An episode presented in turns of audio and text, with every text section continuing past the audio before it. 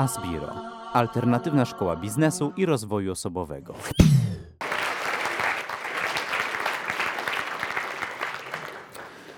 Dziękuję, kochani. Przypuszczam, że tutaj większość osób y, mnie nie zna, jest nowe towarzystwo, widzę dużo nowych twarzy, więc takie trzy zdania o sobie. 10 lat temu założyłem agencję reklamową, ona wyewoluowała w to, że dzisiaj prowadzę przedsiębiorców do tego, żeby rozwijali swoje firmy. E, Mało prowadzę szkoleń na żywo, rzadko kiedy występuję, głównie tworzę takie programy e-learningowe, procesy wielomiesięczne, gdzie poprzez wideo, poprzez ćwiczenia, dostęp do platformy, e, na przykład w, we flagowym naszym programie, którego tutaj logo widać, gwarantuje podwojenie dochodu netto ze sprzedaży w firmie albo zwrot pieniędzy. Dosyć odważne gwarancje, odważne obietnice. Polega to na tym, że wdrażamy nowoczesne metody zarządzania. A skoro tak, to tych nowoczesnych metod zarządzania trzeba się uczyć, stąd wspomniana podróż do Japonii, o której też e, trochę opowiem i parę zdjęć pokażę. Natomiast dzisiaj głównie chcę opowiedzieć o porażkach i o błędach w biznesie, e, których y, tak w tym roku, robiąc takie podsumowanie 10 lat działalności, zobaczyłem i trochę e, przedziurawiłem sobie balonik e, nadmuchanego ego. Zobaczyłem, że tych porażek jest o wiele więcej niż jakichkolwiek sukcesów. W większości jak się czegoś zabieramy, jakichś nowych inicjatyw, nowego pracownika zatrudniam, bardzo często nie wychodzi, tak, nie wypala, a pomimo to firma utrzymuje się na rynku e, i, i jednak dochodzi do jakichś rezultatów. A to wynika z tego, że właśnie uczymy się na błędach, że są porażki, ale wyciągamy z nich wnioski, dlatego też, żebyście nie stracili kilku milionów złotych, tak jak ja straciłem na nietrafionych inwestycjach, dlatego opowiem, czego, czego nie robić bardziej niż co robić i wyciągniemy z tego razem wnioski. Zaczęło się od agencji reklamowej, e, której tutaj trzy różne logo widać. E, Nazywała się Ententa.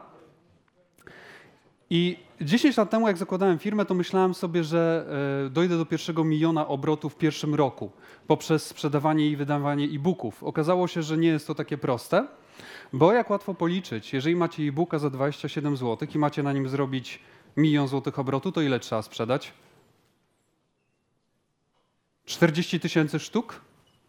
Przedsiębiorców w Polsce szacuje, że realnie jest około 100 tysięcy. Od początku zajmowałem się przedsiębiorcami. Te 3 miliony to są też taksówkarze, sklepikarze, samozatrudnieni w korporacjach, więc nie liczy się. E, Więc wszyscy musieliby kupować te e-booki. W związku z tym, że okazało się to być pomysłem nietrafionym, gdzie jest szybka, łatwa kasa? Jak ktoś przychodzi do ciebie i mówi, zrób nam stronę internetową, a ja mówię, no to wpłać 50% zaliczki. On mówi OK.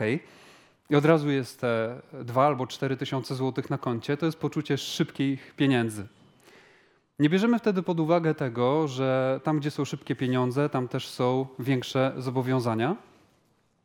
I okazało się, że y, kolejna kwestia, w usługach bardzo szybko natrafiamy na szklany sufit. W szczególności, kiedy mówimy o usługach indywidualizowanych. To jest takie pojęcie, które wprowadziłem, które określa, że działalność, którą wykonujemy, podlega dużej indywidualizacji w zależności od klienta. Tam, gdzie swój produkt musisz dopasować do indywidualnego klienta, a nie masz tego zestandaryzowanego i uproduktowionego, e, tam e, bardzo szybko natrafia się na problemy ze skalowalnością biznesu. Tak też ja natrafiłem. E, Ciężko było przebić najpierw e, sufit 200 tysięcy, jak przebiłem, doszliśmy do pół miliona, potem do 600 tysięcy. E, To nie było realnie możliwości na to, żeby zwiększyć ten dochód do miliona. Bo albo musiałbym pracować po prostu w nocy, albo musiałbym zatrudnić pracowników z większych agencji reklamowych, na których z kolei nie było mnie stać. Także wtedy też, myśląc o tym, jak ten biznes zwiększyć, zacząłem szukać innych produktów. Tak? Zobaczyłem, że w usługach jest szklany sufit, że nie jestem w stanie ich wyskalować tak szybko, jakbym chciał. A szkolenie pracownika, żeby był tak doświadczony jak ten z agencji, wymagałoby ode mnie pół roku. Jeśli by odszedł w ciągu tego pół roku, no to znowu zaczynałbym od zera, a straciłbym dużo pieniędzy. Zatem y, przyszedł do mnie mój programista, Damian Daszkiewicz, może część z Was go zna, wspaniały człowiek, i powiedział: Piotr, może sprzedawajmy y, system do e-mail marketingu. Wszyscy dzisiaj wiecie, co to jest e-mail marketing. E, Dziewięć lat temu jeszcze nikt nie wiedział i wszyscy śmiali się z newsletterów. Więc e, ja wiedziałem, że każda firma powinna robić e-mail marketing i budować swoją bazę danych klientów, bo to pozwala na podtrzymywanie z nimi relacji. E, a tam, gdzie możesz za darmo budować relacje z klientami, no to są z tego same zyski. Tak? Najwięcej firma zarabia na kliencie powracającym, podczas gdy pozyskanie nowego klienta jest najbardziej kosztowne. A zatem zaczęliśmy dystrybuować taki system, który się nazywał FUMP. Z tym systemem było tak, że y, producentem systemu była firma zagraniczna e, i my mieliśmy dostęp do licencji w niskiej cenie. Dystrybuowaliśmy je, a potem po paru latach okazało się, że ta firma zniknęła. E, najpierw okazało się, że nie ma kontaktu z właścicielem. E, jakiś czas później, jeszcze parę lat później, zniknęła w ogóle strona internetowa. E, I wtedy klienci logujący się do systemu i widzący, że tam jest zakładka tak, do strony producenta, wchodzą w nią, a tam nic nie ma, zaczęli nam zadawać pytanie, czy my w ogóle legalnie sprzedajemy ten system. Są takie momenty, kiedy nadmierna moralność może zabić biznes. Uczciwość, tak? Wszyscy słyszymy, bądź uczciwy w biznesie. Ja starałem się być tak bardzo uczciwy, że omal nie zbankrutowałem, bo w tej sytuacji stwierdziłem, no nie możemy zostawić tych wszystkich klientów na lodzie, zróbmy nasz własny system. No i zrobiliśmy netmailera, z którym woziliśmy się jeszcze przez parę lat. Wtedy też nauczyłem się tego, że zatrudniłem project managera, który miał zarządzać tym, e, tym projektem, stworzenia tego oprogramowania. E, project manager był człowiekiem z bardzo silnymi wartościami, tak, bardzo wierzący i tak dalej. Wtedy też nauczyłem się, że to, że ktoś jest wierzący i ma bardzo silne wartości, nie jest gwarancją czegokolwiek, niestety. Więc wywaliliśmy się na tym totalnie, a ja właśnie mając tę moralność, że obiecałem klientom, że ten system w końcu wyjdzie, wypuściłem go na rynek, bo obiecałem, a wypuściłem go z dziurami. Przypuszczam, że wielu klientów, którzy wtedy ten system kupili, dzisiaj już ode mnie nie kupuje, właśnie dlatego, że przejechali się na tym, że wypuściłem dziurawy system. Przez następne dwa lata jeszcze go łataliśmy, chcąc spełnić wszystkie obietnice złożone klientom. To jest też błąd, który popełniają marketerzy, czyli osoby, które są bardziej ukierunkowane na marketing i, i tę sferę komunikacji z klientami, niż na produkcję i dbanie o jakość. Tak? Można powiedzieć, że przedsiębiorcy dzielą się mentalnie na takie dwie grupy. Ja jestem bardziej marketerem, więc jest tendencja bardziej do obiecywania niż do dbania o jakość. Bardzo łatwo można się przejechać na tym, że się za dużo obiecuje. Mm. Także y, wnioski z tego są następujące. I będzie dzisiaj właśnie o siedmiu błędach i siedem wniosków z tych siedmiu błędów. Dlaczego y, FUMP, a potem Netmailer nie przyniósł nam dużych pieniędzy? A także agencja reklamowa, która, dodam jeszcze, specjalizowała się w obsłudze przedsiębiorców. Żeby to zrozumieć, trzeba pojąć, że małe firmy robią małe obroty. Skoro robią małe obroty, to nie stać ich na płacenie dużo agencjom reklamowym. Jak weźmiecie sobie największe firmy usługowe, jakie są na świecie, to są agencje reklamowe sieciowe, międzynarodowe, takie jak um, Ogilvy and Mathers. Tak? E, to y, takie firmy potrafią kasować po paręset euro za godzinę pracy pracownika, a także pracownikom płacą kilka, kilkanaście tysięcy złotych miesięcznie. W jaki sposób się to odbywa? Kto mi powie, jakich klientów obsługuje taka agencja reklamowa? Tylko i wyłącznie korporacje, zgadza się. Tylko i wyłącznie korporacje. I to często wygląda w ten sposób, że w Polsce jest oddział amerykańskiej korporacji, która pracuje z tą samą agencją, więc mają międzynarodowy program, który przenosi się też na Polskę. E, I te relacje po prostu się przenoszą. Jeżeli pomyślimy o prawnikach, no to taki zwykły radca prawny w Polsce y, sprzedaje swoją usługę za 100-150 zł za godzinę. Y, kancelaria prawna, największe kancelarie prawne to są też sieciówki międzynarodowe. Dokładnie ten sam model. Kogo obsługują? Korporacje. 200, 300, 500 euro za godzinę pracy prawnika. Więc pierwszą kwestią jest segmentacja rynku. Ja wybierając podświadomie, to nie była świadoma decyzja, wybierając segment przedsiębiorcy, wybrałem segment najmniej dochodowy. Najmniej dochodowy. A to odbyło się właśnie na zasadzie takiej, że y, od zawsze interesowałem się zarządzaniem strategicznym. Pierwszy punkt w zarządzaniu strategicznym to jest wybór rynku. Wybór rynku. A co zrobiłem? Nic nie zrobiłem. Podjąłem podświadomą decyzję, tak jak większość przedsiębiorców, na zasadzie hurra, będę robił to. Tym się interesuję, więc będę to robił. Tak? Więc zachęcam do tego, żeby działać ze swoim powołaniem i zgodnie z tym, do czego ciągnie was wasze serce. Ale z drugiej strony miej tę świadomość, że jak tutaj stają różni prelegenci, niektórzy z nich robią biznesy, które robią parę milionów, a inni, które robią parę miliardów, to szacuję, że mniej więcej 70-80% czynnika sukcesu, tego czy ktoś robi 2 miliardy czy 2 miliony, zależy od wyboru rynku. Czy jest to trochę dzieło przypadku? Bo niektórzy wybieramy rynki, w których są pieniądze, a inni wybieramy rynki, które, nawet nie tylko nie ma w nich pieniędzy, ale rynki, które nie istnieją. A jeżeli tutaj jest to konferencja startupowa i część z Was ma niesamowity pomysł na to, żeby zbawić świat, to tam, gdzie chcesz zbawić świat, bo czegoś takiego jeszcze nie ma, to bardzo często jest sytuacja, że ten rynek w ogóle nie istnieje. I to rozpoczniesz jakąś działalność, stworzysz swój cudowny portal dla podróżników albo cudowne oprogramowanie, a to jest rynek, który nie istnieje. Jak 9 lat temu wprowadzałem FUMPA na rynek polski, to rynek e-mail marketingu w Polsce nie istniał. Dzisiaj istnieje, ale jest 8 lat później, czy 9 lat później. Więc pierwsza kwestia to jest segmentacja, druga kwestia to jest produkt. Tak? Rynek zdefiniowany jest przez produkty tudzież technologie oraz przez segmenty klientów. I te rzeczy trzeba świadomie wybrać. I nie tworzyć nowych rynków. To jest błąd yy, i to jest lekcja, którą z tego wyniosłem. Druga, druga lekcja to jest wybór modelu rozliczeń i polityki cenowej versus szukanie szybkiego zysku. Ja wiedząc, że najwięcej, najszybciej zarobię, jeżeli wypuszczę na rynek produkt, który będzie kosztował kilkaset złotych jednorazowo, ludzie będą kupowali to oprogramowanie, więc od razu zarobi kilkadziesiąt tysięcy, nastawiłem się na szybki zysk. Ale kiedy klient kupił ten system do e-mail marketingu, to potem nie było żadnej kontynuacji, a klient dalej potrzebuje serwisu. A jak jeszcze mówimy o przedsiębiorcach, którzy nie chcą płacić za serwis, to zrobiłem sobie, do, e, to zrobiłem sobie przychód jednorazowy i tak zwany koszt pasywny. Tak? Znacie pojęcie dochodu pasywnego, zrobiłem sobie koszt pasywny.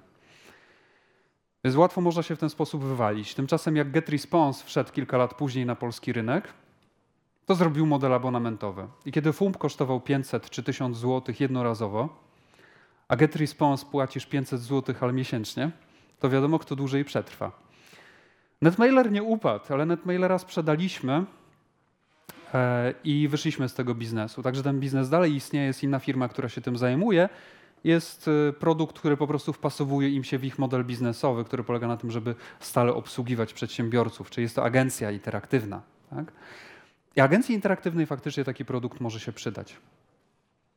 Także nie szukać szybkiego zysku, szukać długofalowego zysku.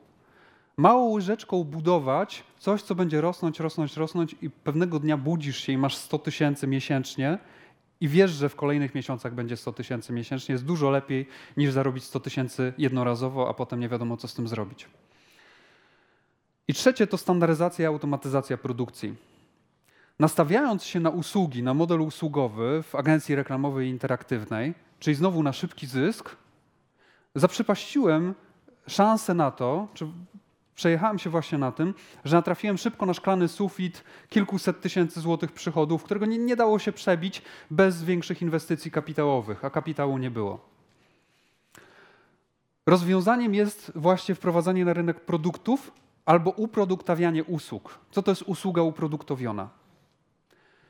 Kiedy kupujesz e, Dropboxa, albo kiedy kupujesz jakiś abonament na oprogramowanie software as a service, kiedy kupujesz usługę hostingową, to wszystko są usługi, ale one są zautomatyzowane, zestandaryzowane i uproduktowione.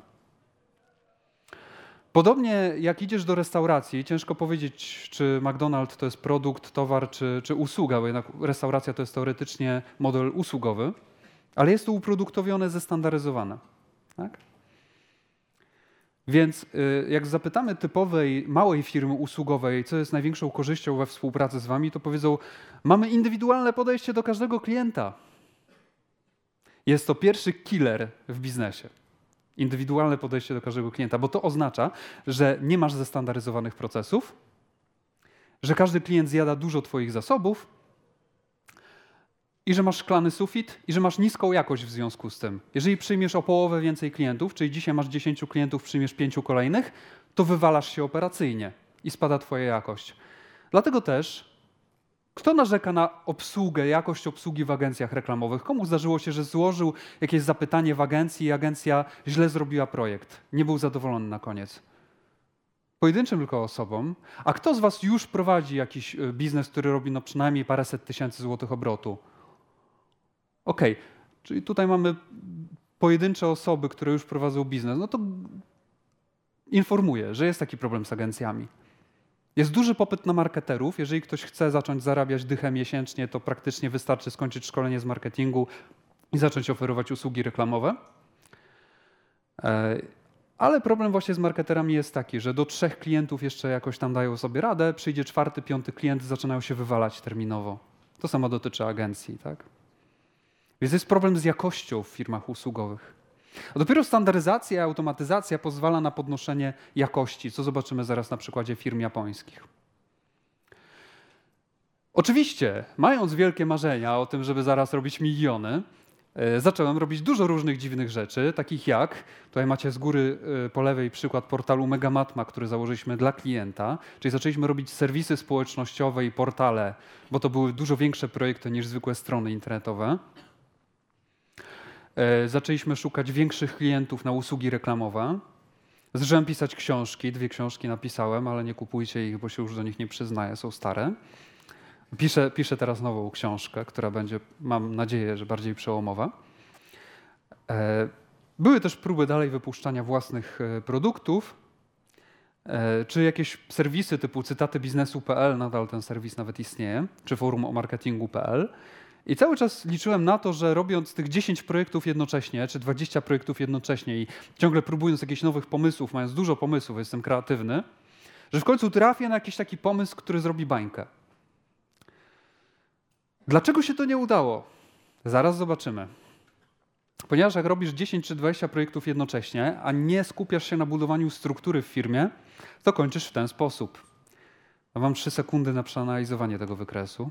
Co on oznacza? Gdzie znajdujesz się w strukturze firmy? Masz dużo różnych procesów.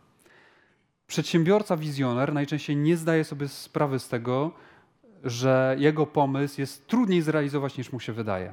Że będzie dużo więcej barier niż mu się wydaje. Tak?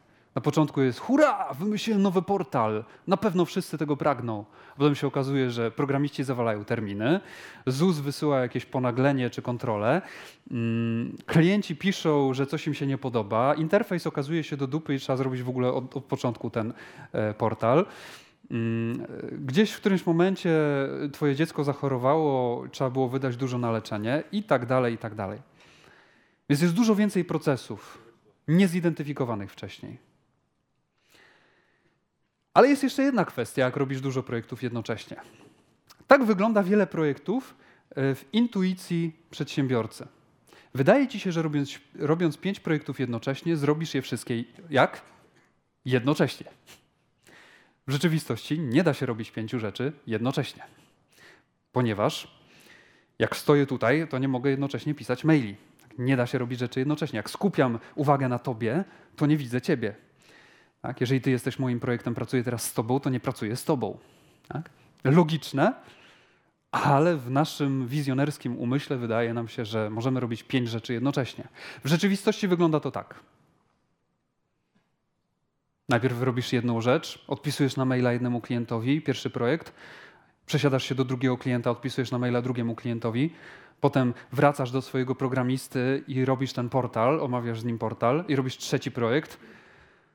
Potem trzy godziny spędzasz na napisaniu tekstu do czwartego projektu, a potem jeszcze dwie godziny spędzasz na stworzeniu prezentacji dla inwestorów.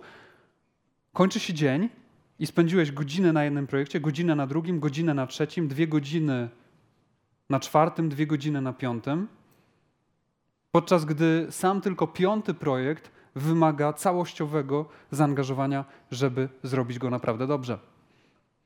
W rezultacie doprowadzasz do końca te pięć projektów, ale mija ile? 14 tygodni do czasu finalizacji pierwszego. 15 do finalizacji drugiego i tak dalej. W pewnym uproszczeniu, tak? Czyli mija 14 tygodni albo miesięcy, zanim zaczniesz zarabiać na pierwszym projekcie, a prawdopodobnie skończy się to jeszcze niższą jakością tego projektu. Dlatego też żaden z moich początkowych pomysłów nie przyniósł bańki. To jest przykład, jak należałoby to robić. Najpierw pierwszy. Po pięciu tygodniach czy po pięciu miesiącach już zarabiasz. Albo już go rozwijasz. Już możesz się czymś pochwalić. Już masz doświadczenie, już masz recepcję z rynku. Jak rynek odbiera Twój produkt, jak rynek odbiera Twój portal. Już masz feedback. Mówi się na przykład o czymś takim jak rapid development. Tak? Jak najszybciej wyrzucić projekt, jak najszybciej uruchomić, jak najszybciej pokazać ludziom. Gorąco zachęcam do tego. Potem możesz to doskonalić i im szybciej wypuścisz, tym szybciej możesz robić ciągłe doskonalenie i powiększać i skalować to. Jedna rzecz na raz. Jak widać, po 10 tygodniach czy miesiącach już, już masz gotowy drugi projekt. Po kolejnych pięciu masz gotowy trzeci projekt. I już na nim zarabiasz. No dobrze, ale y, byłem w y, Muzeum Kyocery i na wystąpieniu Kyocery w Japonii.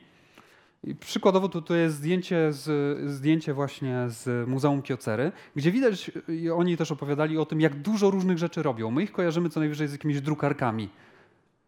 Firma zaczęła się kilkadziesiąt lat temu od ceramiki. My sobie myślimy, że ceramika to są tylko jakieś wazy. Ceramika to jest mnóstwo różnych rzeczy, które mają zastosowanie w przemyśle. Są różne odmiany ceramiki, na przykład są noże ceramiczne, to wiemy już, e, że stosowane w kuchni, ale są też noże ceramiczne stosowane do obróbki skrawaniem. Tak?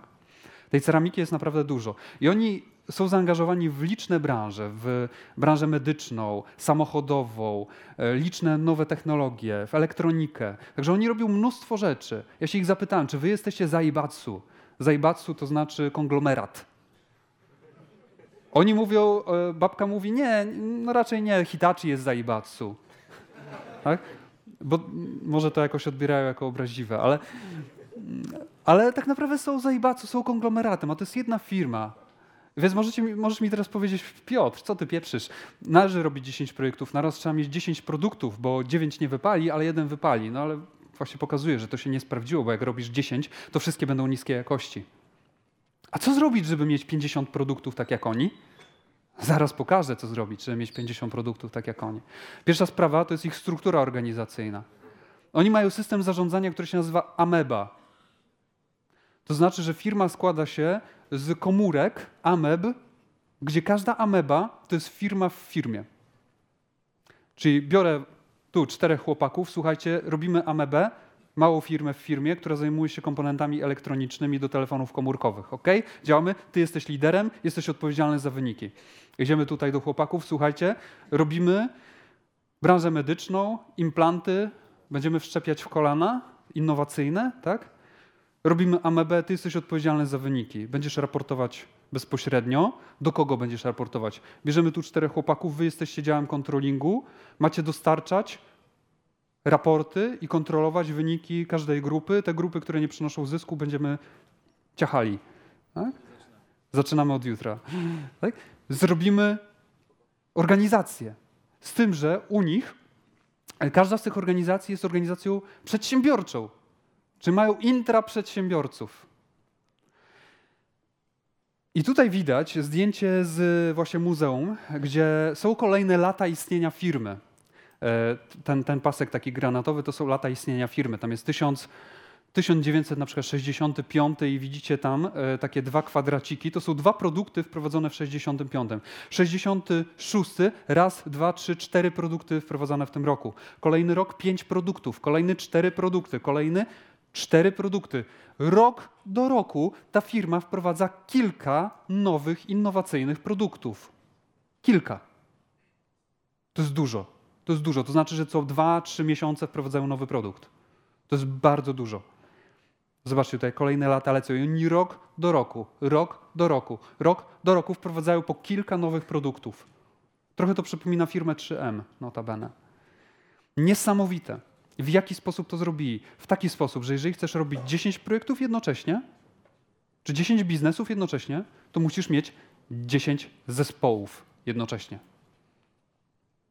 10 zespołów, z których każdy zespół jest autonomiczną jednostką biznesową, która ma swojego kierownika, bo inaczej będziesz pracować po prostu 20 godzin dziennie i się zajedziesz. Tutaj macie y, też zdjęcie z gabloty, gdzie tak, w danym roku wprowadzonych kilka nowych produktów, są ich zdjęcia, zastosowania. Niesamowicie inspirujące. No dobrze, ale mówisz Piotr, że mam mieć zespoły. Mamy mieć zespoły, mamy mieć ludzi, zatrudniać ludzi, żeby samemu tak ciężko nie pracować, żeby delegować zadania. Y, Pani jest y, z jakiego kraju? Wietnamu. Y, Żeby tak ciężko nie pracować. No ale skąd mam wziąć pieniądze na zatrudnienie tych ludzi? Bo powstają tak zwane węzły gordyjskie. Węzłami gordyjskimi nazywam takie pętle negatywnych efektów, które są w firmie, które sprawiają, że nie jesteś w stanie przełamać tego i wejść na kolejny level. Dlatego też spotykam przedsiębiorców, którzy mają 20 lat firmę i ona cały czas jest na poziomie na przykład pół miliona przychodu rocznie. I nie są w stanie przełamać tego. Albo ktoś jest na poziomie 200 tysięcy, od 20 lat nie jest w stanie przełamać tego. Albo nawet na poziomie 20 milionów, ale nie jest w stanie przełamać tego. Dlaczego? Bo jesteśmy w węzłach gordyjskich. Więc wprowadzanie firmy na kolejne szczeble to e, wymaga ciągłego przełamywania właśnie węzłów gordyjskich. Tu jest przykład węzła gordyjskiego, który wygląda tak. Idąc od góry, za mało klientów. Mam za mało klientów, mówisz, więc mam za małe przychody, Piotrze. Skoro mam za małe przychody, to nie stać mnie, Piotrze, na zatrudnianie ludzi. Nie mam kasy. Zarabiam tylko te 8 tysięcy, 10 tysięcy miesięcznie, jestem jednoosobową działalnością gospodarczą. Skąd mam wziąć na zatrudnienie człowieka? Tak? To jest koszt na przykład 5 tysięcy miesięcznie. Skąd mam wziąć pieniądze? No dobrze, to skąd się bierze za mało klientów i skąd się biorą za małe przychody? Za mało klientów, już zidentyfikowaliśmy przyczyny, bierze się z tego, że jest za mały rynek. Jest za mały rynek. Tak? Czyli jest zły segment, zły produkt, bo rynek, który nie istnieje. Druga kwestia to, że jest za mało konkurencyjna oferta. Tutaj podam dla przykładu, jak e, kilka lat temu przemodelowałem firmę z agencji reklamowej na e, model przemysłowy, produkcyjny, ale w branży szkoleniowej. Słuchajcie, prowadzę firmę przemysłową, produkcyjną, ale w branży szkoleniowej. To e, moja pierwsza taka rekordowa kampania była na 125 tysięcy złotych netto. I to był rekord wtedy w branży. W ciągu 24 godzin taką sprzedaż zrobiłem. E, Teraz jestem po zamknięciu kampanii na e, 625 tysięcy złotych netto. I w jaki sposób udało się to zrobić? Właśnie w taki sposób, że stworzyliśmy konkurencyjną ofertę. Czyli mówimy o przewadze konkurencyjnej. Przewaga konkurencyjna, czym jest, powiem jeszcze potem. Druga przyczyna to są za małe przychody. Czyli e, z czego to się bierze, że są za małe przychody? A może raczej należałoby powiedzieć za mały zysk? Bo co z tego, jakie są przychody? Jaki jest zysk? Zapytałbym. A zysk bierze się z tego, jakie są marże. A marże też biorą się z konkurencyjności oferty. Więc kiedyś na przykład sprzedawałem szkolenia po 800 zł. Dzisiaj najdroższy produkt kosztuje 10 tysięcy. Wiem, że jest przestrzeń na jeszcze droższe. Jak to zrobić? Jak to zrobić? Jak podnieść marżę? Właśnie konkurencyjnością oferty i zmianą modelu biznesowego. No więc nie zatrudniam ludzi, a skoro nie zatrudniam ludzi, mówisz, to nie mam zespołu, więc nie mogę robić AMEP, nie mogę robić 10 projektów. Skoro nie mam zespołu, nie mam komu delegować. A co robi przedsiębiorca, jak ma za mało klientów? Wszyscy poza Asbiro, niemalże wszyscy poza Asbiro, dlatego też lub, lubię, kocham Asbiro i szanuję bardzo Kamila, mówią rób marketing, naucz się Facebooka, załóż fanpage, naucz się reklamy na LinkedIn i na Facebooku. Jest- Jesteście zalewani takimi ofertami. Nie mówię. Warto poznać pewne metody marketingu i reklamy. Ale jeżeli tylko na tym się skupimy, czyli mamy, pracuję nad marketingiem, a nie mam komu delegować, a pracuję nad marketingiem, rezultat jest taki: skoro pracuję nad marketingiem, to nie pracuję nad jakością i organizacją. Więc nie mam skalowalności biznesu i mam niższą jakość. Jak będę robił ten marketing, przyjmę kilku nowych klientów, to wywalam się jakościowo. Zawalam terminy, muszę podnosić ceny, i pracować po godzinach. Nie mam komu delegować, więc mam słabą organizację, więc znowu powstaje problem z jakością. I rezultat jest taki, że masz nadmiar obowiązków, tak jak tutaj widać na dole. Realizujesz zamówienia i pracujesz nad marketingiem, więc masz nadmiar obowiązków. A skoro nie masz nadmiar obowiązków i przyjmiesz nawet dwie osoby do pomocy w firmie, to zaraz efektem jest to, że w ogóle nimi nie zarządzasz, bo nie masz czasu spotkać się z nimi, wdrożyć je w obowiązki, powiedzieć, jak mają dobrze wykonywać swoją pracę, zaopiekować się nimi. Pracownik potrzebuje kilku miesięcy, żeby nauczyć się swojego fachu w Twojej firmie. Nawet doświadczony pracownik potrzebuje Twojego prowadzenia, a Ty nie masz jeszcze kierownika, prawda? Więc nie zarządzasz ludźmi. Skoro masz tych pracowników, nawet dwóch, a nie zarządzasz nimi, to dalej nie masz zespołu. I uprawiasz mikrozarządzanie albo abdykowanie. Abdykowanie polega na tym, że, że nikt ludźmi nie zarządza, więc oni nie przynoszą rezultatów. Skoro nie przynoszą rezultatów, to nie zarabiają na siebie. Skoro nie zarabiają na siebie, to prędzej czy później ich zwolnisz, bo ci się nie opłacają. Dlatego firmy pozostają jednoosobowymi firmami przez 20 lat. Dlatego też przedsiębiorcy, nawet ci bardziej doświadczeni, którzy mają 40-50 osób, często mówią, że każdy nowy pracownik to jest kolejny nowy problem. To wynika też z braku zarządzania. Nie ufajcie takim paradygmatom. Więc trzeba przełamać taki węzeł gordyjski. Robimy to poprzez stworzenie konkurencyjnej oferty, wybranie duże, odpowiednio dużego rynku z, i przyjęcie oferty z dobrymi marżami, zatrudnianie ludzi, zarządzanie nimi i skupienie się najpierw na organizacji i zarządzaniu, zanim zajmiemy się na dobre marketingiem. Nie, za, nie zaniedbując marketingu, ale nie robiąc marketingu kosztem organizacji.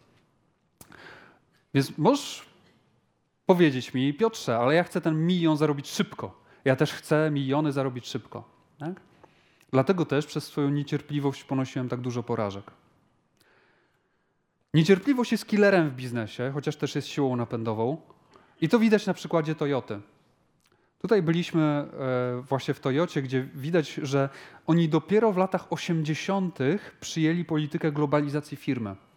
A od kiedy istnieje firma? Firma istnieje od 29 roku, gdzie w 29 roku Toyota pojechał do Stanów podpatrywać, jak oni robią silniki. Kupił pierwszy silnik spalinowy i powiedział: W Japonii nie ma przemysłu samochodowego, importujemy tylko samochody ze Stanów. Chcemy robić samochody, które będą typowo japońskie, bo tylko one zaspokoją nasze potrzeby. Więc oni byli wtedy w dokładnie takiej sytuacji, jak my dzisiaj w Polsce ja sobie uświadomiłem jedną ważną rzecz, że gdybym ja dzisiaj powiedział, słuchajcie, uruchamiamy przemysł samochodowy w Polsce, będziemy robili polskie samochody, polska marka, która podbije świat, to jesteśmy w, tak naprawdę w jeszcze lepszej pozycji niż oni wtedy. Bo my chociaż mamy producentów e, podzespołów samochodowych. Oni nic nie mieli. I nawet nie wiedzieli w ogóle, jak się to robi, tak? Kolejna lekcja jest taka, że dopiero w 1937, czyli 8 lat później, dopiero uruchomili produkcję. 8 lat zajęło im rozpracowanie systemu. Zobaczcie, jaka cierpliwość. Ja bym chciał za rok robić miliony. Oni 8 lat, 8 lat badań, podpatrywania, rozwoju, gdzie Toyota, y, założyciel Toyoty, był synem drugiego Toyody oczywiście, który zautomatyzował e, wrzeciona. Tak, wrzeciono do produkcji tkanin. Wcześniej robiło się to tak, że, że, że takie specjalne, nazwę to wrzeciono, przepraszam, nie znam nomenklatury dokładnej, trzeba było tak przekładać ręcznie. Tak? Krosno, tak? Dziękuję. Więc trwało to bardzo długo. Pierwsza innowacja polegała na tym, że był taki specjalny, tak powiedzmy taka nóżka, która kopała to wrzeciono. Więc już nie trzeba było ręką tego robić, tylko była taka nóżka i ona kop, kop, kop, ale to nadal ręcznie się odbywało. Tylko ta nóżka pomagała. Już było dwa razy szybciej wyprodukować tkaninę. A potem uruchomili silniki spalinowe, które same to robiły. I można sobie porównać, o ile szybciej niż człowiek. Mam to wszystko sfilmowane, niestety nie jestem w stanie tu pokazać filmu. To było inspirujące, więc przynajmniej Toyota był już drugim, drugim pokoleniem przedsiębiorców. Tak? Więc już miał jakąś bazę, na której pracował. Więc powinno mu to zająć szybciej, wydaje się. Tak? A tym bardziej, jeżeli ktoś z Was nie ma rodziców przedsiębiorców i kapitału i bogatego taty, to ile więcej tobie może zająć dojście do zbudowania czegoś tak wielkiego jak Toyota. Na początku oczywiście bardzo mała sprzedaż i dopiero mamy lata 80., czyli jesteśmy 50 e, lat później od pierwszych prób stworzenia samochodu, 50 lat później mamy politykę globalizacji firmy. Zobaczcie, ile czasu. Globalną firmę buduje się wielopokoleniowo. A ja bym chciał już za rok. Ja bym chciał już za rok. Internet to przyspieszył, ale i tak nie ma lekko. Więc tak, cierpliwości. E, kolejna rzecz, której się nauczyłem, tutaj byliśmy w firmie szkoleniowej, ci panowie po prawej to są emerytowani liderzy Toyoty, liderzy na produkcji, tak? E, którzy przepracowali tam 40 lat, każdy, i dzisiaj są na emeryturze. I oni na emeryturze dostają 10 razy wyższe pensje niż na etacie. Więc mogliby nie pracować, oni są wolni finansowo. Prowadzą firmę szkoleniową, taką małą. Dlaczego? Bo Japończyk rodzi się, żeby pracować. Pol Polak jedzie do Japonii, żeby się nawalić. Szkolenie kosztowało 20 tysięcy złotych. Była dziesięcioosobowa grupa przemysłowa, jeszcze trochę większa healthcare'owa. Na to szkolenie miało przyjechać 10 osób z przemysłu. Połowa grupy nie przyszła, bo się najebała poprzedniego dnia. A wy jesteście, super, nie? Gratuluję, brawa dla was.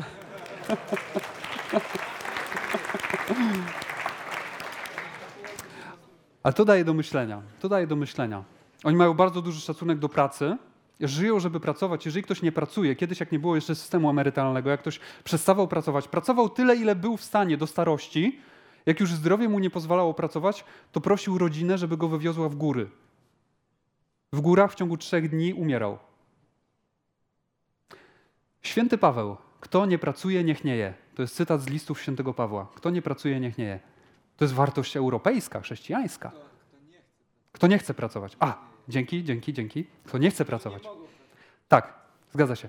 Czyli y, przerysowałem, ale widać u nich, że oni chcą czuć się potrzebni, oni chcą pracować. Tak, chcą służyć społeczeństwu. Więc emerytowani, wolni finansowo faceci prowadzą firmę szkoleniową i pokazują, jak to robić.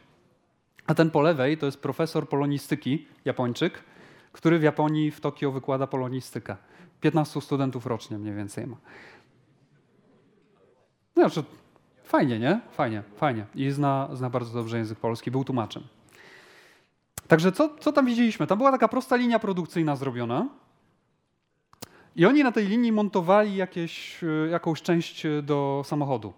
Jakiś wentylator montowali. Nie znam się na tym. I e, był narzucany czas produkcji, że firma potrzebuje określoną ilość tych komponentów dziennie, więc e, w związku z tym, że dzień ma 8 godzin, a dokładnie w zasadzie przerwa, biorąc pod uwagę przerwy w czasie pracy 7,20, 7 godzin 20 minut, to maksymalny czas produkcji wynosił 158 sekund, żeby wyrobić się z planem produkcji. Ale przy tej linii produkcyjnej pracownik jedną część jeden, jeden podzespół robił 174 sekundy, czyli za długo. I zaczęliśmy pracować nad wprowadzeniem udoskonaleń w tej linii produkcyjnej. I słuchajcie, w naszym zespole, wśród tych Polaków, którzy przyjechali, był nawet ekspert linu. I byli ludzie doświadczeni, którzy prowadzą własne fabryki. I Polakom zostało dane zadanie, żebyśmy zaprojektowali zmiany w tej linii produkcyjnej. To, co powymyślaliśmy, z tym ekspertem okazało się być zupełnie nietrafione. Oni potem e, pokazali nam różne drobne udoskonalenia, które można zrobić. Przykład. Był stół, tak, na którym leżał właśnie ten wentylator. I mierzyliśmy czasy wykonywania poszczególnych kroków. Przykładowo, trzeba było tutaj z drugiego stołu wziąć jakiś komponent i nałożyć go na ten wentylator. Tak? Więc trzeba było zmierzyć, że jedną sekundę trwa dojście. Drugą sekundę trwa powrót. Nałożenie trwa dwie sekundy. Następnie trzeba było wziąć śruby i najpierw delikatnie przykręcić, żeby pasowały, co trwało na przykład 8 sekund. Potem trzeba było wziąć taki elektryczny elektryczny śrubokręt i wkręcić. Tak? Kolejnych kilka sekund. To wszystko mierzyliśmy. No ale szkodowo gdzieś nie sięgał, więc musiał obejść. Obchodzenie naokoło już zajmuje więcej czasu. Schylanie się zajmuje więcej czasu. Przykład tego, co robiły Japończycy, co się nazywa Kaizen. Kaizen to są drobne, małe udoskonalenia. Na to Polacy nie wpadli. Że wystarczy podłożyć takie plastikowe pudełka pod stół do montażu, żeby tutaj podnieść bez kupowania nowych stołów. Pierwsze, co by przyszło, to kupić nowe stoły. Oni podłożyli po prostu pudełka. Stół robi się pod kątem. Nagle Japończyk wszędzie sięga, bez schylania się. Nie męczy się. Tak? I dużo więcej takich właśnie drobnych udoskonaleń doprowadziło do tego, że czas produkcji skrócił się do 120 sekund, czy 54 sekundy krócej. W stosunku do tego, co byśmy zrobili normalnie intuicyjnie. Pokazuje to skalę możliwości udoskonaleń, jakie mamy w swoich firmach. I to pokazuje wielką pokorę, jaką mają Japończycy, bo my na przykład sugerowaliśmy różne zmiany, które wymagają inwestycji. Oni mówią, nie, tego nie zrobimy, bo trzeba bezkosztowo, bo to kosztuje. Tutaj trzeba będzie kilka tysięcy. My na przykład wymyśliliśmy, że zamiast Japończyka, który wkręca te śruby, powinna być maszyna, która z jednej strony wkręca dwie, wkręca dwie, sama. Oni się zapytali, czy wiecie, ile kosztuje taka maszyna? 300 tysięcy złotych w przeliczeniu. Tak? 300 tysięcy złotych. A ile kosztuje taki elektryczny śrubokręt? Czy wiecie, ile kosztuje profesjonalny? Tak? Na przykład 12 tysięcy złotych. Ja wtedy sobie uświadomiłem jedną ważną rzecz, że robię już y, siedmiocyfrowe obroty, ale bardzo dużo wydaję. Dużo wydaję, bo wszystko, co robię, to są inwestycje. A oni wszystko, co robią, to są drobne udoskonalenia bez inwestycji. Na zasadzie podłożenia kartonowego pudełka pod stół, czy plastikowego pudełka pod stół. Bardzo inspirujące. Wyraża to bardzo dużą pokorę w tym, że drobnymi, malu, maleńkimi usprawnieniami można dużo osiągnąć. Ale jest jeszcze jedna rzecz, która wyraża tę pokorę. To, że to nie szef, że to nie ty jesteś odpowiedzialny za wymyślanie tych kaizenów, bo ty nie pracujesz na tej linii i nie wiesz tak naprawdę, co, co pomoże tym ludziom. To ludzie są zachęcani do tego, żeby wprowadzać te udoskonalenia, żeby je podpowiadać. I tam, gdzie normalnie w firmie produkcyjnej ktoś na przykład po pomyli się, źle zrobi jakąś część, tak? trzeba będzie wyrzucić na przykład nóż do skrawania, który y, ileś kosztuje, to pracownik w Polsce normalnie domyślnie byłby ukarany za to. Za spóźnienie pracownik byłby opieprzony, ukarany. A u nich, jak się ktoś spóźni, o ile firma ma wdrożony, y, wdrożone te metody zarządzania, bo nie wszystkie mają, to pracownik, y, to szef cieszy się, że pracownik się spóźnił, bo wie, że wyciągnie wnioski, żeby się więcej nie spóźniać. Cieszą się z tego, że ktoś zatrzymał linię produkcyjną. W Nissanie tylko kierownik może zatrzymać linię produkcyjną, w Toyocie nawet szeregowy pracownik na linii może zatrzymać linię. Słyszeliście pewnie o tym, że w niektórych firmach biją brawo, tak? Bo to znaczy, że wykryty został błąd. Hurra! Możemy coś udoskonalić. Będzie lepiej.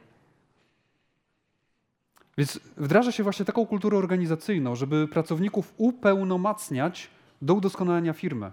I odkąd wróciłem z Japonii, wiem już, że swoim pracownikom będę mówił na ich pomysły. Moi pracownicy akurat mają dużo pomysłów, ja ich zachęcam, ale większość ich pomysłów to jest na zasadzie Piotr, wywalmy kolejne 20 tysięcy na coś. A ja im powiem nie. Powiedz mi, jak możemy delikatnie usprawnić Twoje stanowisko, żeby lepiej Ci się pracowało. No i wreszcie e, tutaj macie, tutaj macie wykres moich e, kampanii promocyjnych, bo ja głównie działam kampaniami promocyjnymi. Do 2014 roku powinienem zaktualizować, kolejne wpisać. I jedna z rzeczy, które się nauczyłem właśnie ilustrujących to, co mówiłem wcześniej, że kiedy robiłem kampanię promocyjną, robiąc jednocześnie inne projekty, to wychodziło mi na przykład kampania na 30 tysięcy. Kiedy zrobiłem kampanię promocyjną, skupiając się na niej w 100%, to wychodziło mi 130 tysięcy. A kiedy wprowadziłem przewagę konkurencyjną, to wychodzi mi pół miliona. Więc to działa, tylko tak, trzeba się skupić na jednym projekcie, na jednym biznesie naraz. Zrobić go naprawdę dobrze. E, I zrobić go mądrze, czyli zrobić taki model biznesowy, który daje duże marże. Chyba trochę zamulam i zanudzam, już widzę, że niektórzy ziewają, więc szybkie podsumowanie i kończymy. Więc tak, koncentracja zamiast robienia wielu projektów na raz. Zatrudnianie niedoświadczonych versus doświadczonych. E, jako, że nie było pieniędzy, w małej firmie nie ma pieniędzy, więc to, co robi przedsiębiorca najczęściej, to zatrudnia ludzi, którzy chcą mało pieniędzy. Tak? Czyli zatrudnia niedoświadczone osoby. Ale jeżeli zatrudniasz niedoświadczoną osobę, to musisz znaleźć czas, żeby ją wyszkolić i nią zarządzać. Bo inaczej po prostu będzie źle wykonywać swoje obowiązki.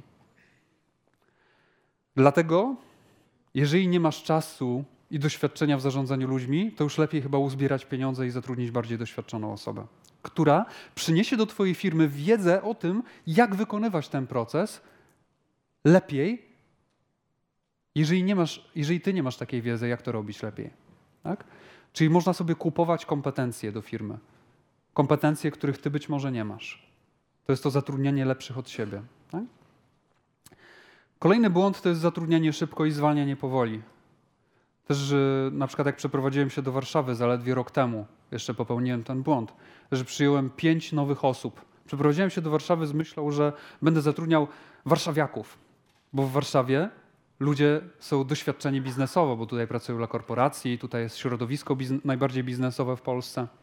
Co się okazało? Zatrudniłem pięć osób, z których cztery były z Warszawy, i te cztery, które były z Warszawy, już dla nas nie pracują. Została jedna osoba spoza Warszawy, z jakiegoś Pcimia i doszły dwie dziewczyny z Krakowa. Że nie zatrudniam żadnej osoby z Warszawy jak na razie. A trzy ściągnąłem do Warszawy. E, więc e, raczej należy tę zasadę odwrócić i słyszeliście o zatrudnianiu powoli, a zwalnianiu szybko. No i wreszcie niecierpliwość, szukanie skoku na bańkę, dużych innowacji i to ciągłe moje poszukiwanie przełomowych pomysłów versus cierpliwe, stałe doskonalenie. To się wyraża też w budowaniu listy adresowej. Mam 32 tysiące czytelników biuletynu. Niektórzy mówią dużo tak, w branży przedsiębiorców. Wcale to nie jest dużo, bo to powstawało przez 10 lat. A były takie momenty, nawet czasami półtora roku, dwa lata, kiedy ta lista w ogóle nie przyrastała. Dlaczego nie przyrastała? Bo ja sobie myślałem, że po co mam podejmować jakiekolwiek działania, które nie przyniosłyby więcej niż parę tysięcy, kilka tysięcy subskrybentów nowych jednocześnie. Sęk w tym, że takich metod, które przyniosą kilka tysięcy jednocześnie, praktycznie nie ma. Chyba, że się wywali kilkadziesiąt tysięcy na reklamę. A właśnie listę adresową buduje się małą łyżeczką. 100 subskrybentów dzisiaj, 100 subskrybentów jutro, 100 subskrybentów pojutrze albo miesięcznie. A po roku jest 1200 nowych z jednej metody, 1200 nowych z drugiej metody. Czyli ustanawiamy procesy, które systematycznie budują biznes. Tak samo jak doskonalenie firmy. Ja szukam metody na to, żeby 50% jednocześnie wystrzelić w górę, a to tak nie działa. 50% wzrostu rocznie uzyskuje się poprzez 2% w tym miejscu, 2% w innym miejscu. I procent składany tych wszystkich udoskonaleń powoduje, że masz 50% rocznie. 50% czy 100% da się uzyskać przełomowymi rozwiązaniami, ale trzeba dokładnie wiedzieć, jak to się robi. Są konkretne metody na uzyskanie przewagi konkurencyjnej w firmie. A jeżeli nie znasz tych metod i robisz na czuja, to ciężko. Więc tak, e, śledząc historię firmy, w 2008, nie mam danych za 2006 i 2005, bo to była jakaś prehistoria, 2008 to jest 34% wzrostu. To jest jeszcze normalny taki wzrost e, w mikrofirmie, która dopiero gdzieś zatrudnia pierwsze osoby, jeszcze zdobywa tych pierwszych klientów. E, I na początku można mieć jeszcze spore wzrosty, tak? E, przychód. To są przychody. Niestety zyski. Zamierzam też zrobić analizę zysków, ale powiem tu jedynie parę słów komentarza do tego. 2009 to jest 83%, ale to wynika z tego, że wszedłem w spółkę z osobą, która pracowała wcześniej w korporacji. Moje myślenie było takie: nigdy nie pracowałem w korporacji. Wiem, że trzeba zatrudniać ludzi i budować strukturę, żeby dojść do czegoś większego, żeby zbudować firmę, która mnie przeżyje. Ale nie potrafię tego robić, nie wiem, jak zarządzać ludźmi. Nie mam naturalnego talentu do tego. Więc przyjąłem wspólniczkę, bo pomyślałem sobie, Albo pójdę sam na 5 lat do pracy w korporacji i stracę 5 lat, zamknę firmę i się nauczę, albo znajdę wspólnika. Znalazłem wspólnika. Decyzja ta, całym szacunkiem do wspaniałej osoby, której jestem wdzięczny za wiele rzeczy. Gdyby nie ona, nie miałbym swojej żony dzisiaj. Nie, to nie jest moja żona. Gdyby nie ona, ona mi powiedziała, że już warto wziąć ślub i mieć dzieci. Gdyby nie ona, e, w każdym razie ten błąd, tak, ten błąd kosztował mnie kilka milionów złotych. Kilka milionów złotych. Błąd polega na tym, że wchodzisz w spółkę z osobą, która jest pracownikiem etatowym, mentalnie. Ta osoba nigdy nie rzuciła swojej pracy na etacie w trakcie prowadzenia ze mną spółki. Zawsze robiła to po godzinach. Więc ja nigdy nie czułem tego samego zaangażowania, które ja wkładam. Więc to było po prostu skazane na porażkę, chociaż bardzo dużo się nauczyłem. Także nie wchodźcie w spółki z pracownikami etatowymi, chyba że oni już wybrali tę drogę tak, własnej firmy. E, no i te 83% wzrostu wynika z tego, że jej etat został dodany do przychodów firmy. Tak? A ona zarabiała dosyć dużo jako menedżer. 2010 to jest 53%, ale to jest też czas dotacji unijnych 8.1 i klienci nie mieli problemu, żeby wydać 4000 na logo albo kilkadziesiąt tysięcy na portal. Natomiast w 2011 e, za namową mojego mentora w końcu zrozumiałem, że poprzez usługi nie dojdę do firmy e, wielomilionowej. Albo musiałbym się zająć korporacjami jako agencja, albo, e, albo muszę rozpocząć produkcję. Tak? Więc e, największe firmy to są firmy handlowe i produkcyjne, to jest przemysł. Tak? To daje do myślenia. E, a firmy usługowe często są małymi firmami po prostu. Więc zacząłem wycinać usługi, stąd mamy tutaj spadek 17% i przekształcać firmę na model właśnie produkcyjny. Więc bardzo często, jeżeli masz swoją firmę tak, i chcesz zrobić reorientację strategiczną, to ona na początku może sprawić, że zaczniesz tracić pieniądze. Ale warto, bo to jest właśnie to przejście z szybkich pieniędzy, które zarabiam sprzedając swoje godziny pracy, na model, gdzie przestaję sprzedawać godziny, a zaczynam sprzedawać produkty. I tych produktów mogę sprzedać więcej niż mam godzin. Dlatego moja stawka za doradztwo wynosi dzisiaj 2000 za godzinę, no bo nie opłaca się taniej sprzedawać. Jakbym sprzedawał taniej, to bym spadły mi przychody, bez sensu. A zatem też jak mamy człowieka, który prowadzi firmę, y, która robi miliard złotych obrotu, no to można sobie wyobrazić, ile godzina jego czasu jest warta, tak, realnie. 2012 to jest dalsza reorientacja, już takie moje wypalenie zawodowe, związane z tym, że przepracowany po tylu latach właśnie robienia tych usług, gdzieś zacząłem sobie odpuszczać i konsumować przewagę operacyjną. To jest bardzo niebezpieczne miejsce w biznesie. Kiedy zaczynasz mieć organizację, masz już zatrudnionych ludzi i zaczynasz mieć to dobrze poukładane, masz już produkty, towary i skalowalny model biznesowy i stwierdzasz, a to w sumie teraz to mogę sobie trochę odpuścić. To jest bardzo niebezpieczne miejsce. Bo to jest ten moment, w którym należy wykonać ten żabi skok właśnie i skapitalizować przewagę operacyjną, czyli dobrą organizację, wprowadzając na rynek produkty i usługi, które zmieniają zasady gry na rynku. W moim przypadku, gdzie wszystkie szkolenia dla przedsiębiorców kosztowały 800 zł, wprowadzenie takich za 10 tysięcy. Z unikalną ofertą, która podtrzymuje tę cenę i się sprzedaje. Kamil jest doskonałym tego przykładem.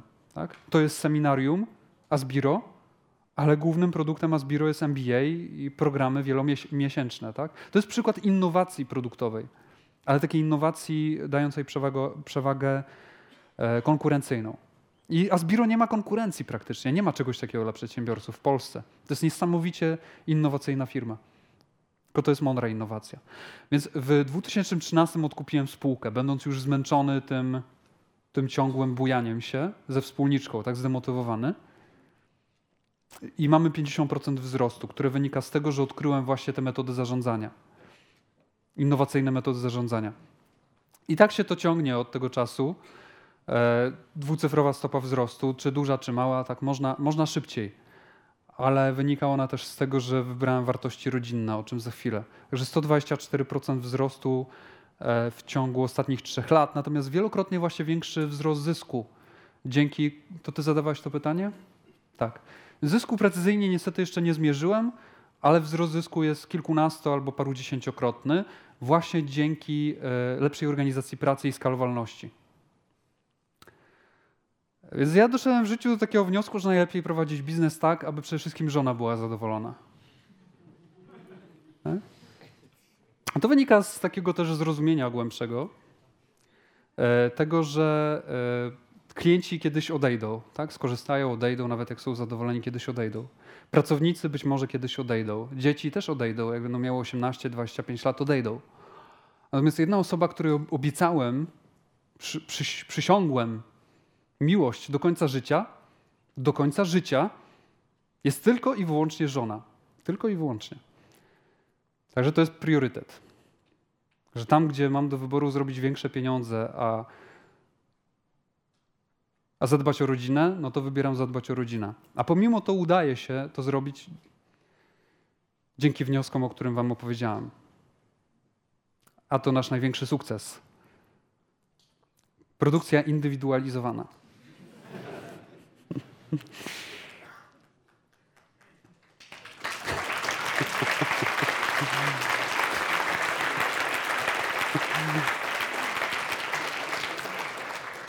Mamy z żoną plany produkcyjne na 10 sztuk.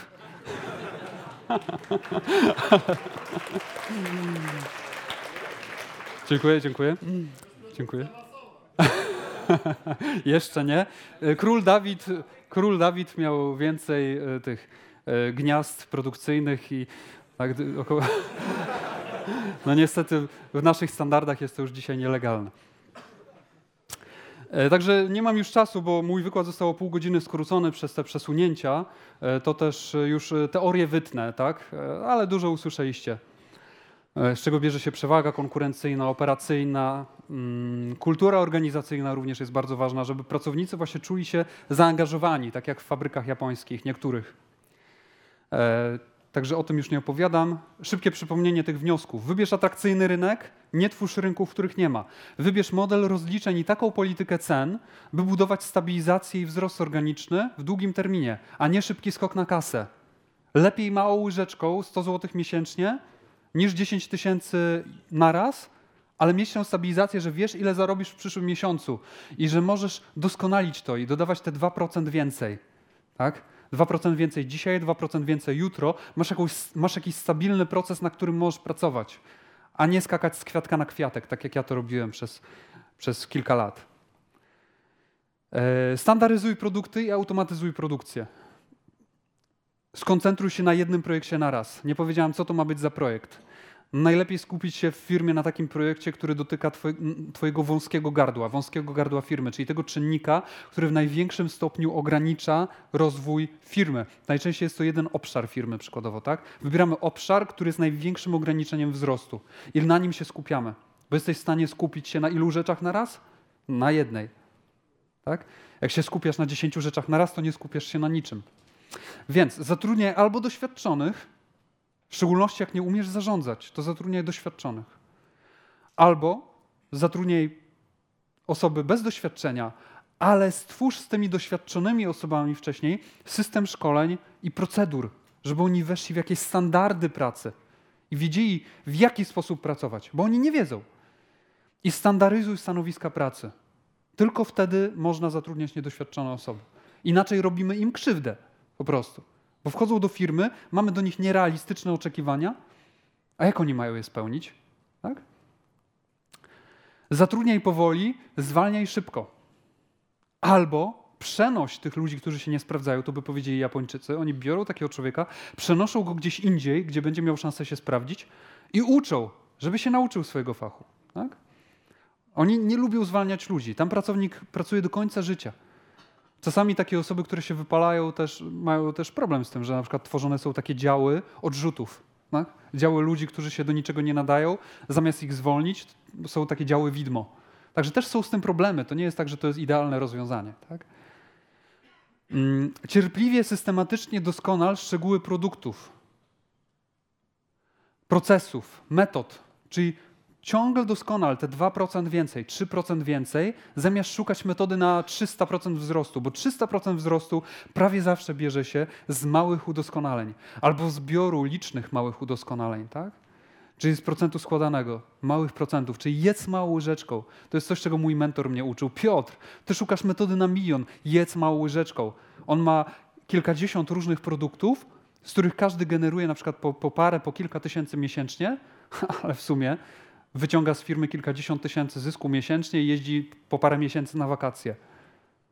Tak? Bo, je, bo ma małe produkciki, które się razem składają w coś większego. Ja akurat wolę pojedyncze, duże produkty, ale one też składają się z małych komponentów, z małych udoskonaleń. Także y, jakby były jakieś pytania, e, to bardzo proszę o zwięzłe napisanie na Piotr Małpa.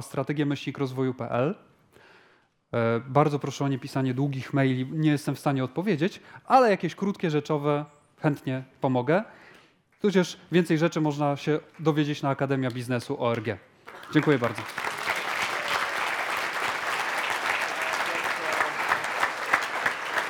Takie super ładne podziękowanie. Asbiro. Alternatywna szkoła biznesu i rozwoju osobowego.